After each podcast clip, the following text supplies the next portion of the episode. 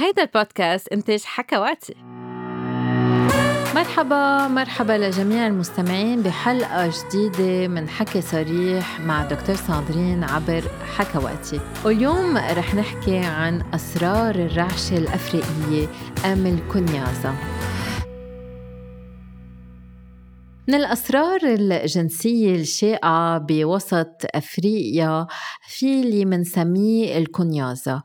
بيقولوا أنه هيدي التقنية فيها تسمح للمرأة أنها توصل لإثارة كتير عالية وحتى أنها توصل لنشوة جنسية كتير قوية وبعض الأوقات متعددة ومتكررة.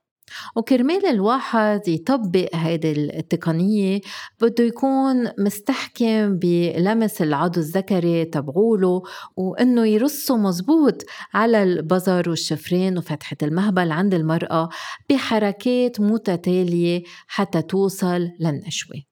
وحسب هيدي الطريقة المتوارثة بوسط أفريقيا منذ أكثر من 150 عام عادة الرجل بواسطة العضو الذكري تبعوله بيلمس المرأة بيستثير البزرة والشفرين ومدخل المهبل من خلال الضغط برأس العضو الذكري.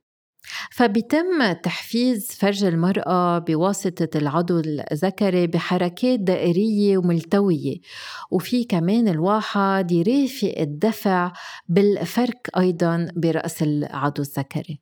والتحفيز بيصير مش بس بفرك رأس العضو الذكري على الفرج والبصر بس كمان بالدفع والضغط على هيدي المنطقة. إنما من الضروري إذا الواحد بده يستعمل هيدي التقنية إنه المرأة تكون عن جد مرطبة ومستسارة. أم الواحد في يستعمل جل مظلق. كرمال هيدا النوع من الفرك والتدليك ما يسبب وجع أم حساسية. وأكيد الواحد في يستعين بالجنس الفموي قبل ما يبلش بالكنيازة.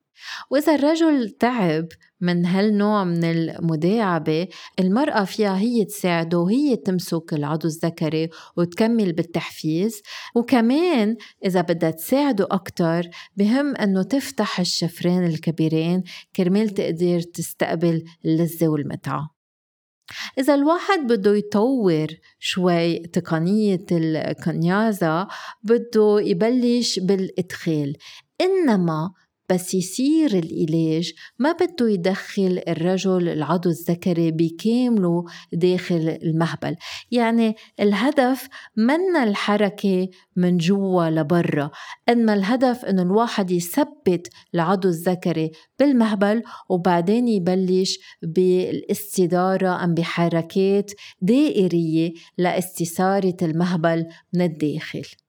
وتيزيدوا الأحاسيس بعد أكتر في الرجل يدمج الحركات من الداخل للخارج وبعدين الحركات الدائرية مع مداعبة مباشرة على البظر وفتحة مجال البول. في كذا وضعية لممارسة الكنيازة. أولا هي الكنيازة الكلاسيكية. بيكون الرجل جالس وبتقعد المرأة على حضنه بحيث أنه بيقابل وجهها لوجهه.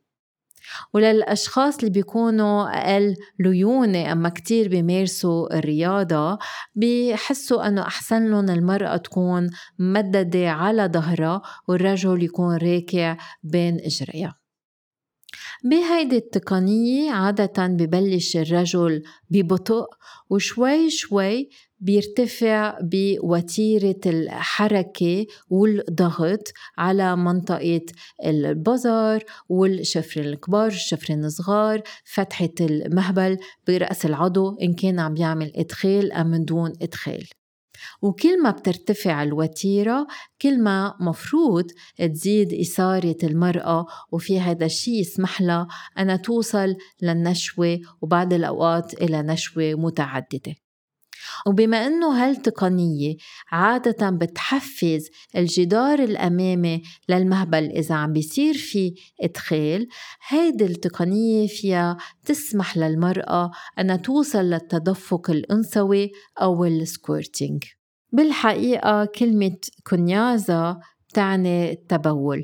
بس نحن منحب نذكركم إنه squirting هو منه بول هو سوائل بتقطع بالمثانة وهو بول مخفف وعادة كرمال يوصفوا الكنيازة بسموه الجنس المبلل الساخن لأنه في يترافق مع تدفق الأنثوي.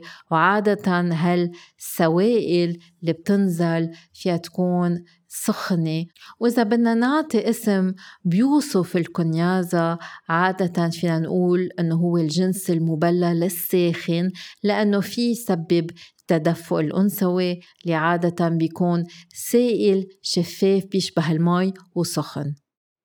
وهون منحب نذكر إنه هالتقنيات ما بتناسب الكل فلازم تستكشفوا تسمحوا لحالكم إنه بعض الأوقات ما تزبط معكم الممارسة تضحكوا بين بعض تشوفوا إذا هذا الشيء بيعجبكم ما بيعجبكم إذا في يسمح لكم توصلوا لمتعة. واصلا دائما ممتع إنه الشريكين يتسلوا سوا ويكتشفوا قصص جديدة سوا.